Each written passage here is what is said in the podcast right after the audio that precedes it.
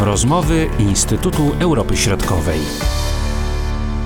Przed mikrofonami Marcin Superczyński, witam Państwa. W kolejnym odcinku naszych rozmów analizujemy zaangażowanie Chin w Europie Środkowej i Wschodniej.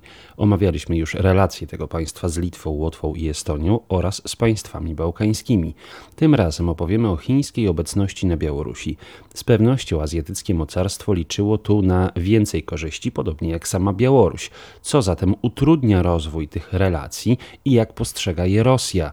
Wyjaśnia starszy analityk w zespole Europy Wschodniej dr Andrzej Szabaciuk. Stosunki chińsko-białoruskie, one przede wszystkim w przeszłości były wypadkową takiej próby przynajmniej pozowania przez lidera Białorusi na polityka wielowektorowego i też ma realną alternatywę dla Federacji Rosyjskiej, czyli Chiny miały być takim partnerem gospodarczym przede wszystkim, bo te stosunki należy rozpatrywać głównie w kontekście gospodarczym, alternatywnym dla Federacji Rosyjskiej. Jak wiemy, Rosja jest, dominuje faktycznie w każdym współczynniku, jeśli chodzi o stosunki gospodarcze z Białorusią.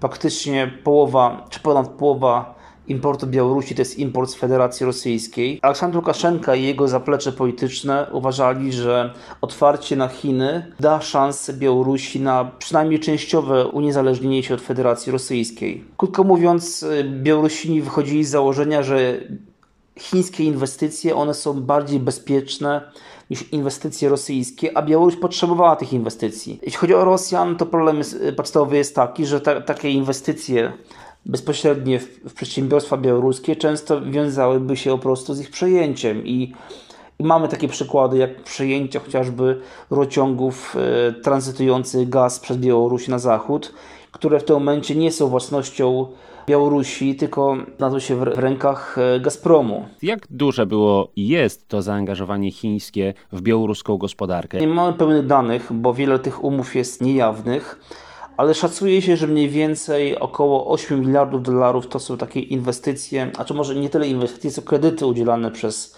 różnego rodzaju podmioty chińskie. Najczęściej to jest na takiej zasadzie, że te pożyczki one wiążą się z tym, że dana firma, dane przedsiębiorstwo musi je wykorzystać w jakimś stopniu na produkty czy na usługi zakupione od, od podmiotów chińskich czyli na przykład modernizując fabrykę papieru. Tak naprawdę te działania, one wzmacniają import z Chin. Import stale rośnie, zauważmy, i Chiny są drugim państwem po Federacji Rosyjskiej, jeśli chodzi o wielkość sprzedaży na Białoruś około 10% importu białoruskiego to jest import właśnie z Chin. A jeśli chodzi o import y, z Rosji, jak to wygląda? Ponad 50% nawet całego importu białoruskiego, więc skala jest ogromna, tak? Widzimy te dysproporcje, jeśli chodzi o te państwa. Uzależnienie Białorusi od Rosji stale rośnie, ale też widzimy, że rośnie import z Chin. Białoruś uważała, że pozwalając Chińczykom inwestować czy godzić się na pożyczki, takie dedykowane dla poszczególnych przedsiębiorstw białoruskich. W ten sposób Białoruś pozyska nowe technologie i pozyska też możliwość produkowania dóbr z tego sektora high-tech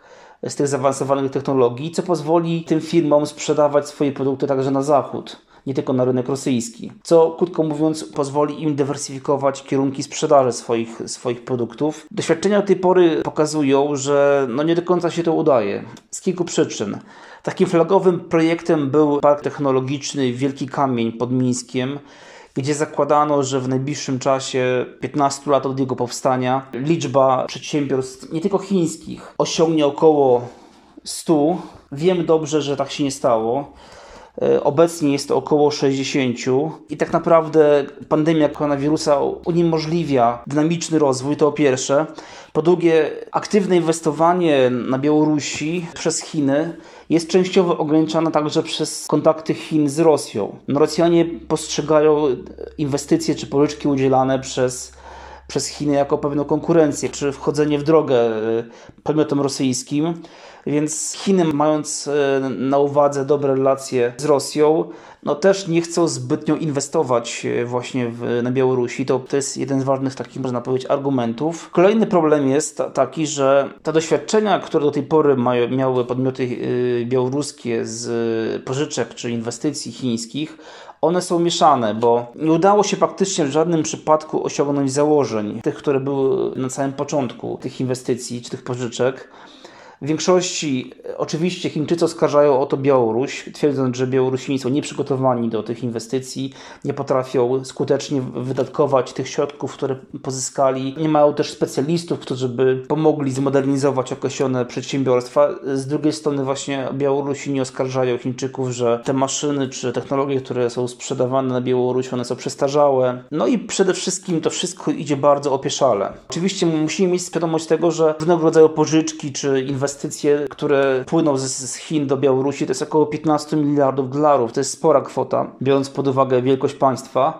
Tym niemniej jednak ja patrzę na, te, na, te, na tę aktywność chińską bardziej jak na inwestycję, której celem jest podstawowym przede wszystkim zwiększenie eksportu chińskiego na Białoruś i też większe uzależnienie Białorusi właśnie od produktów, od usług, od towarów od towarów chińskich. Jaka jest perspektywa tych relacji, przede wszystkim gospodarczych, biorąc pod uwagę no, te kłopoty i też trochę zawiedzione oczekiwania strony białoruskiej? Czy można tutaj mówić o tym, że ta dynamika mniej więcej pozostanie na tym samym poziomie, czy też to zaangażowanie chińskie będzie się jednak zmniejszać? Myślę, że kluczowym tutaj elementem, który będzie kształtował stosunki chińsko-białoruskie są relacje białorusko-rosyjskie. Jak już powiedziałem, Rosja postrzega zaangażowanie Chin na Białorusi jako konkurencję. Wiemy o tym, że Rosjanie planują zwiększyć swoje zaangażowanie na Białorusi w najbliższym czasie. Obserwujemy powrót do rozmów na temat pogłębionej integracji. Wiemy też, że są plany inwestycji rosyjskich, co de facto oznacza tak naprawdę przejęcie takich kluczowych y, przedsiębiorstw, do tej pory jeszcze niezależnych białoruskich. Chińczycy też, prawda jest taka, że nie chcą stawiać na Białoruś z drugiej strony, ponieważ te doświadczenia y, dotychczasowe, one są rozczarowujące. Myślę, że w przyszłości to zaangażowanie chińskie będzie malało, tym bardziej, że Chińczycy mają w regionie alternatywy i tutaj mają możliwość inwestowania w innych państwach. Oczywiście, jeśli chodzi o Białoruś, jaki, jest, jaki był plus duży Białorusi? Podstawowym plusem, jeśli chodzi o inwestowanie przez Chińczyków na Białorusi, było to, że Białoruś sąsiadowała z Unią Europejską. I wiele fabryk, wiele przedsiębiorstw, które budowano tam, one nie spełniały norm ekologicznych. Inaczej mówiąc, ich budowa e, w Polsce czy w innych państwach Unii Europejskiej była po prostu niemożliwa, ponieważ one zbyt, zbyt szkodziły środowisku. Więc Chińczycy mogli zbudować tam fabryki, które były powiedzmy niezgodne z standardami e, unijnymi, a później sprzedawać produkty z tych fabryk do Unii Europejskiej. Ale wraz z pogorszeniem relacji białorusko-unijnych te szanse są mniejsze. Tak więc Chińczycy myślę, że będą szukali alternatyw, ale dla nich oczywiście rynek unijny jest rynkiem kluczowym.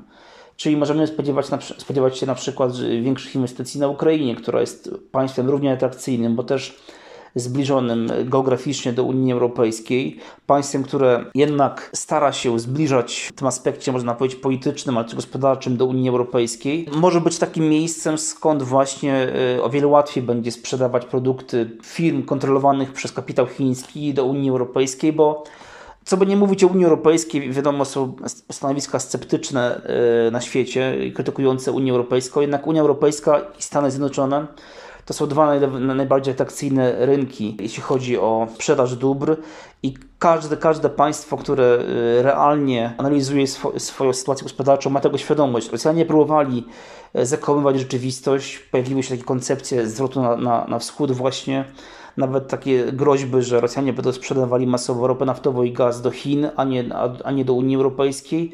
Efekt tego był taki, jak wiemy, że pewnym czasie Rosjanie zrezygnowali z tej retoryki, bo ona okazała się po prostu całkowicie nierealna. Mówił dr Andrzej Szabaciuk. Marcin Superczyński. Do usłyszenia.